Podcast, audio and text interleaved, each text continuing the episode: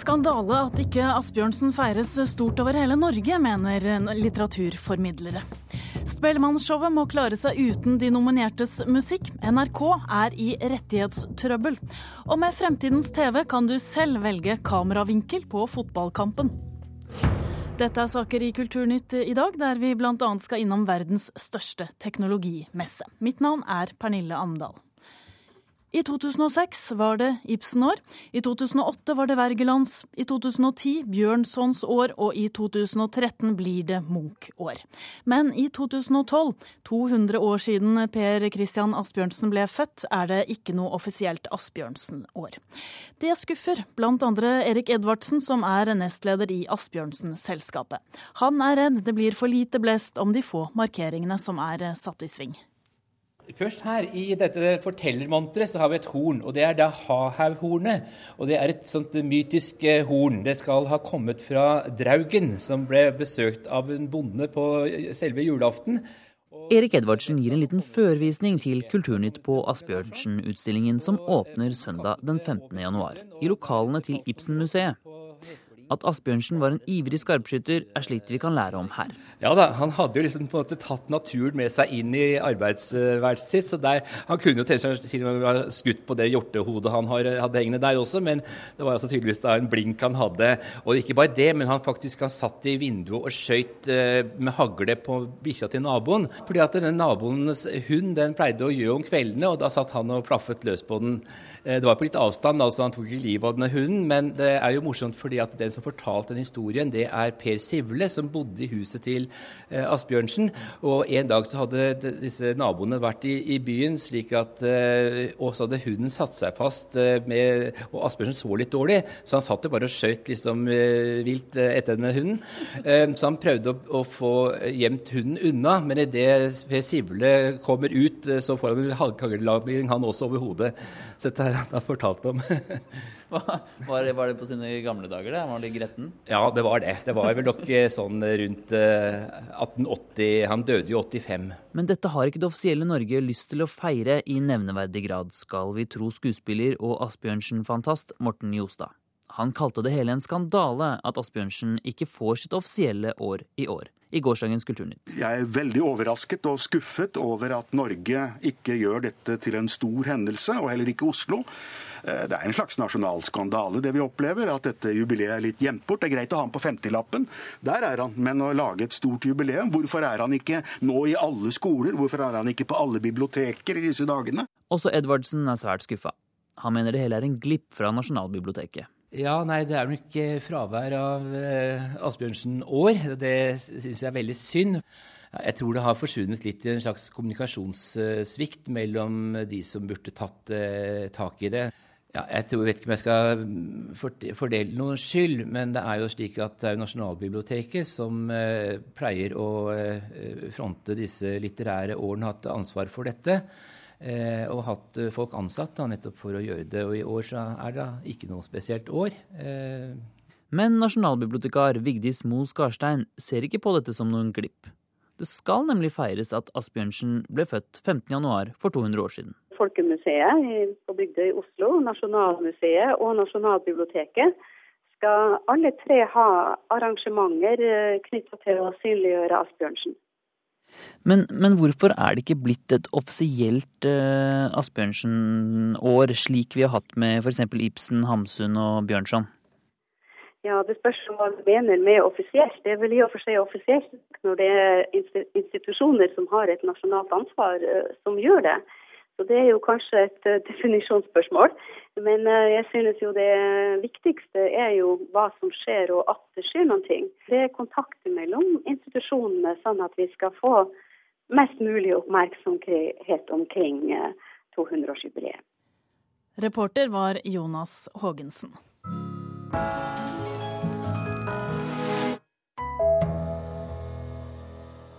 Det var uaktuelt for A-pressen å selge TV 2 dersom danske Egmont ville bruke forkjøpsretten.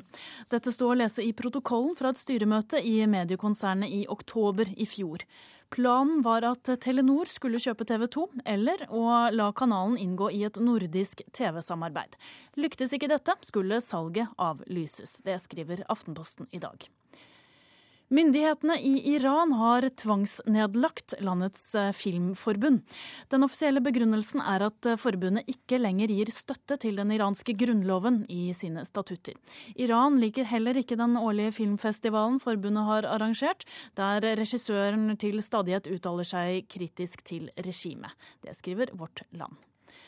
Kommunalt ansatte må bli flinkere til å tenke over språket de bruker, det mener Noregs Mållag. I Møre og Romsdal er 23 av 46 kommuner nynorskkommuner, men ikke alle er like flinke til å bruke målformen. Og det er viktig at en møter nynorsk i kommunene, mener leder i Mållaget, Håvard Øvregård. Og Hvis en opplever at eh, all informasjonen en får, offentlig informasjon en får, er på bokmål og ikke på nynorsk, eh, så vil det umedvetet gjøre at en eh, opplever at nynorsk er mindre verdt enn bokmål. Av de 430 kommunene i Norge er det bare 114 som er såkalte nynorskkommuner. 159 er bokmålskommuner, og 157 er språknøytrale. Leder i Noregs Mållag, Håvard Øvregård, sier derimot at nynorsken likevel ikke blir brukt nok i nynorskkommunene. Nils Ulvund i Nordmøre Mållag opplever at språk blir nedprioritert i kommunene der. Innenfor språkkulturen så eh, forsømmer de seg, for å si det rett ut. Det sa Nils Ulven i Nordmøre Mållag. Og så skal vi til Las Vegas, der det ikke nødvendigvis er så lang vei mellom show og spill til ny teknologi som folk flest kan få bruk for i hverdagen. Akkurat nå så pågår verdens største forbrukerteknologimesse der borte. Der er du på plass for NRK, Helge Karlsen. Hva slags dingser er det som preger landskapet ditt? Nei, I eh, de tre dagene vi har vært her nå, så har det vært TV det stort sett har gått i. Det har vært eh, store TV-er, små TV-er, tynne TV-er, 3D-TV-er, skarpe TV-er og ja, TV en masse. Alle er enige om at det er eh, fjernsynet som fortsatt er det, er det viktigste teknologiproduktet for folk flest. På denne messen er det altså en mengde aktører fra elektronikkbransjene som eh, skal gjøre seg lekre for innkjøpere og for pressen bl.a. Hva slags messeområde er det de opererer i? Ja, Dette er ikke den eh, vanlige, vanlige fesjået vi kjenner fra Norge. Her er det flere hundre tusen kvadratmeter. 150 eh, 000 deltakere, og avstandene man må tilbakelegge hvis man skal gå innom alle bodene, er, det sies å være rundt 25 km. Det sier litt om eh, omfanget her. Mm. Hvordan forsøker produsentene å få oppmerksomheten til folk som kommer, da? Nei, det er, det er, mye show og glitter i Las Vegas fra før, og det er det også innendørs på Las Vegas Convention Center. Her tar man i bruk eh, gamle, klassiske, men også billige triks som eh, halvnakne damer i bikini som danser til teknomusikk. Folk som kler seg ut i robotkostymer, bamser, neonlys, glitter og fjas. og at uh, I noen tilfeller så faller jo produktet helt i skyggen av alt, uh, alt showet foran scenen. Og det produktet som er hottest er eh, TV, sa du. Hva slags TV-er er det som kommer i fremtiden, Helge Karlsen? Ja, vi, har, vi fikk en liten smugkikk hos uh, et selskap som heter uh, Technicolor, som jobber litt med teknologi som de selger til TV-selskapene. og det er da altså, såkalte prototyper, som da ikke er eh, produsert ennå, men som man jobber med. og man vil i framtida bl.a. få mulighet til, hvis man f.eks. ser på en fotballkamp og er litt lei av å se på venstre banehalvdel, så kan man med fjernkontrollen flytte kameraet til høyre banehalvdel, og dermed få enda større kontroll enn i dag over hvordan eh, TV-sendinga ser ut hjemme fra sofaen. Hvor, hvor reelt er det at dette er noe for hvermannsen i nærmeste fremtid, da? Nei, men Produsenten holder alt tett til brystet. Vi fikk jo ikke lov å filme eller ta bilder eller noe som helst. Dette er jo topphemmelig eh, foreløpig. Men uh, ting går fort i denne bransjen her, og det kommer nye og grensesprengende ting hvert år. Så vi blir nok sikkert like overraska til neste år. Bryr de seg om innholdet, de som selger TV-er? Ja, det er, det er, ikke bare nok at TV-en er fin å se på og stor og, og klar. Eh, det er en tendens at eh, TV-produsenten også knytter kontakter med innholdsleverandører.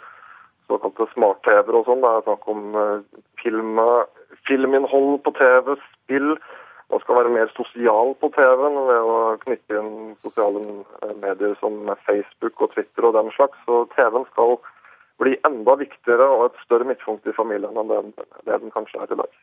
Hva er det fremtidens telefoner kan eh, hjelpe oss med, da, som vi ikke visste så langt?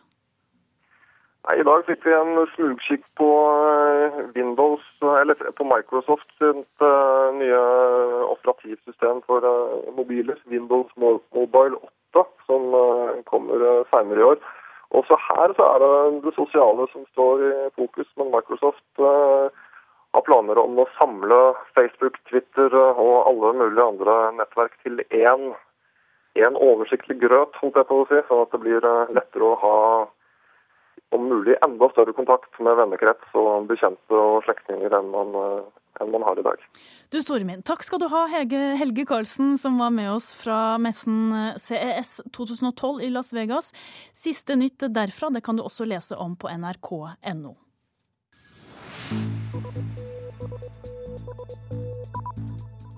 Klokken er kvart over åtte. Du hører Nyhetsmorgen i NRK P2 og Alltid nyheter med disse hovedsakene i dag. Grov seksuell trakassering er hverdagskost for kvinnelige stortingspolitikere og samfunnsdebattanter. Og strømtjenesten til Konkurransetilsynet holder ikke det den lover. Her i Kulturnyhetene skal vi videre til Spellemannprisen. I morgen blir årets priser delt ut. Ikke alle utdelingene er med i hovedsendingen på TV på NRK1.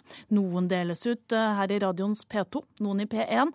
Og prisen for beste hiphop-album og musikkvideo deles ut i et pauseshow på NRK3.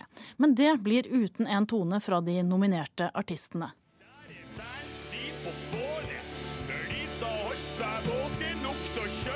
Hiphopartisten Jodski er nominert til Spellemann for albumet 'Bensin på bålet'. I Folketeatret i morgen får han vite om han vinner. Men han må vente til det er pause i showet på scenen.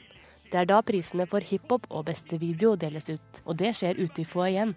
De som vil se dette på TV, må bytte kanal fra NRK1 til NRK3.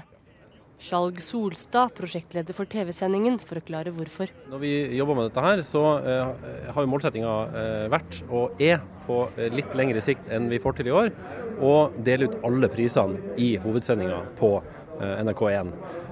Så har Spellemann opererer med så mange priser nå at det får vi ikke plass til. Hovedshowet, det som sendes på NRK1, er produsert av Dynamo, mens pauseunderholdningen fra foajeen er det NRK selv som lager.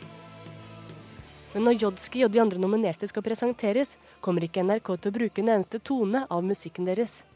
Dette er pga. en uenighet mellom NRK og IFPI, som organiserer mange av de store plateselskapene. Hva syns du om at musikken din ikke blir spilt?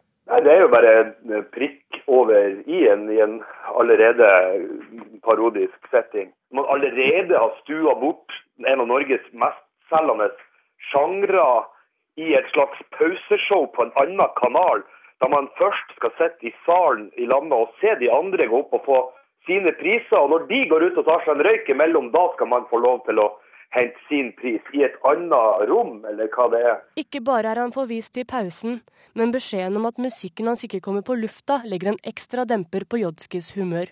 Per Ola Hagen jobber med musikkrettigheter i NRK. Han forstår frustrasjonen. Nei, jeg syns jo det er synd for artistenes del, men eh, vi er jo nødt til å følge eh, Altså ta konsekvensene av at vi ikke har noen avtale med IFPI nå, og da kan vi ikke sende den musikken. For å vise eh, en video f.eks. på fjernsyn, så må vi ha rettigheter til det. Vi må få tillatelse fra rettighetshaverne. Det er det vi ikke har nå for en del artister. Si de som er utgitt på disse internasjonale plateselskapene. Norske og internasjonale artister. Hvis du tenker på artistens side, så er det jo sånn at de har en avtale med plateselskapet. Vi har jo ikke vi, vi, snakker jo ikke direkte med artistene om dette. Vi må jo vite at plateselskapet har gitt oss tillatelse eller ikke. Og når det, de via sin organisasjon IFPI ikke har gjort det, så uh, kan vi ikke vise det. I stedet for å vise musikkvideoer og spille låtene til de nominerte hiphopartistene, vil NRK legge et underteppe av en helt annen musikk når de nominerte presenteres. Jodski er ikke imponert. Nei, Det er jo helt latterlig at man ikke skulle kunne få til en avtale. Det sa Jodski til reporter Ina Strøm, og IFPI ville ikke kommentere denne saken.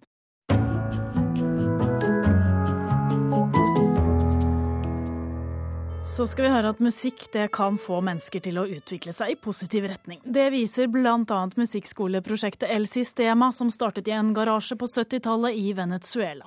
I dag finnes eh, prosjektet i 25 land, og mer enn én million barn har gått i El Sistemas orkestre og kor.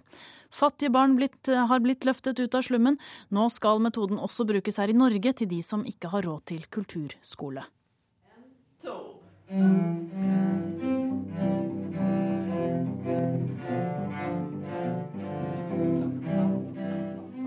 Omtrent eh, sånn vil de låte når de yngste barna fra førskole og barneskole vil begynne å spille i El Sistema-orkesteret fra høsten av. El Sistema begynte som et sosialt prosjekt for fattige barn i Venezuela på 70-tallet, men har nå etablert seg i 25 land og gir et unikt musikktilbud til mer enn én million barn så langt. For i regi av Norsk musikkskoleråd får nå fem norske kommuner være med på dette pilotprosjektet. Det er et sosialt prosjekt det er et musikkprosjekt. Eh, og det her handler også om å gi et kulturskoletilbud til alle. Altså Norsk kulturskolerådsvisjon er kulturskole for alle. Sier eh, Ruth Jorunn Rønning, som er styreleder i Norsk kulturskoleråd i Buskerud, Telemark og Vestfold, og primus motor for El-systema i Norge. Nå vil barn få gratis tilbud om orkesterspilling og kor tre til fem ganger i uken. Tilbudet gis i tilknytning til barnehager og skole på dagtid, og skal være et supplement til norske kulturskoler, og ikke en konkurrent, sier Rønning. Det er veldig mange barn og familier som ikke vet om uh, de norske kulturskolene. Um, og det er en måte å nå frem til, uh, til, disse barna som kanskje aldri har visst om kulturskoletilbudet. Og som jeg nevnte i sted, så er det et, et sosialt verktøy, et sosialt prosjekt. Sånn at det vil ehm, fange og favne opp mange flere enn det norske kulturskoler gjør i dag. Og gjennom et musikalsk sosialiseringsprosjekt med metodikk fra Venezuela skal barn lære å handle sammen gjennom musikk, i sterk kontrast til mye av vårt samfunns fokus på individet og selvrealisering. Altså, du kan jo si at det er vanskelig å sammenligne Norge og Venezuela, men det vi kan se, kanskje kan si i Norge, er at vi er eh, kanskje til dels veldig opptatt av materielle verdier. Ehm, og det kan være en form for fattigdom som vi kan jobbe med i dette prosjektet. Vi ser også at det er mange barn som, eh, som faller utenom i, det, i, samfunnet, som ikke er inkludert på en god nok måte. Dette er ting som vi ser kan eh, fungere veldig veldig bra i Gjeldssystema-prosjektet. Du kan si vanlig kulturskoleundervisning på musikk. Da er det kanskje snakk om en enkelttime eller en liten gruppe som øver sammen. Og her er det snakk om at det er kanskje en større gruppe på 10-20 i en gruppe som holder på. Eh, lengden på undervisningen er lenger, og, og gruppene er større. El-Sistema er allerede etablert som prøveprosjekt i Hammarkullen utenfor Göteborg i Sverige. En av verdens store stjernedirigenter, Gustavo Dudamel, er sjefdirigent for Göteborg-symfonikerne og har selv bakgrunn fra El-Sistema i Venezuela. Det at barn holder på med musikk tre til fem ganger i uken, har også en annen effekt. Det blir en sterk rekruttering og interesse for den klassiske musikken, og man blir også god til å spille, sier prosjektleder Johanna Eriksson for El-Sistema i Hammarkullen. Så det har jo vokst og blitt noe enormt stort i samarbeid med Göteborgs symfoniske orkester. Vi hadde jo aldri håpet eller trodd på at det skulle vokse i, i, i det forfarandet som det har gjort. Vi er veldig stolte og glade for vår virksomhet. Men hva resultatet blir av, av å spille og synge såpass mange ganger i uken som man gjør, da blir man jo også veldig, veldig, veldig dyktig på sitt håndverk. Og blir man så duktig på sitt håndverk, så stärker man jo også et, et kulturelt Sverige, et kulturelt Norden. Eh, at vi får være med om å utvikle dyktige musikere. Men det er jo en bieffekt av hva som hender på det sosiale, i den sosiale utviklingen. Det tror vi er uh, Kulturnyhetene over. Produsent for denne sendingen var Anja Strøm. Jeg heter Pernille Amdal. Her i Nyhetsmorgen uh, fortsetter Hege Holm med siste nytt fra inn- og utland.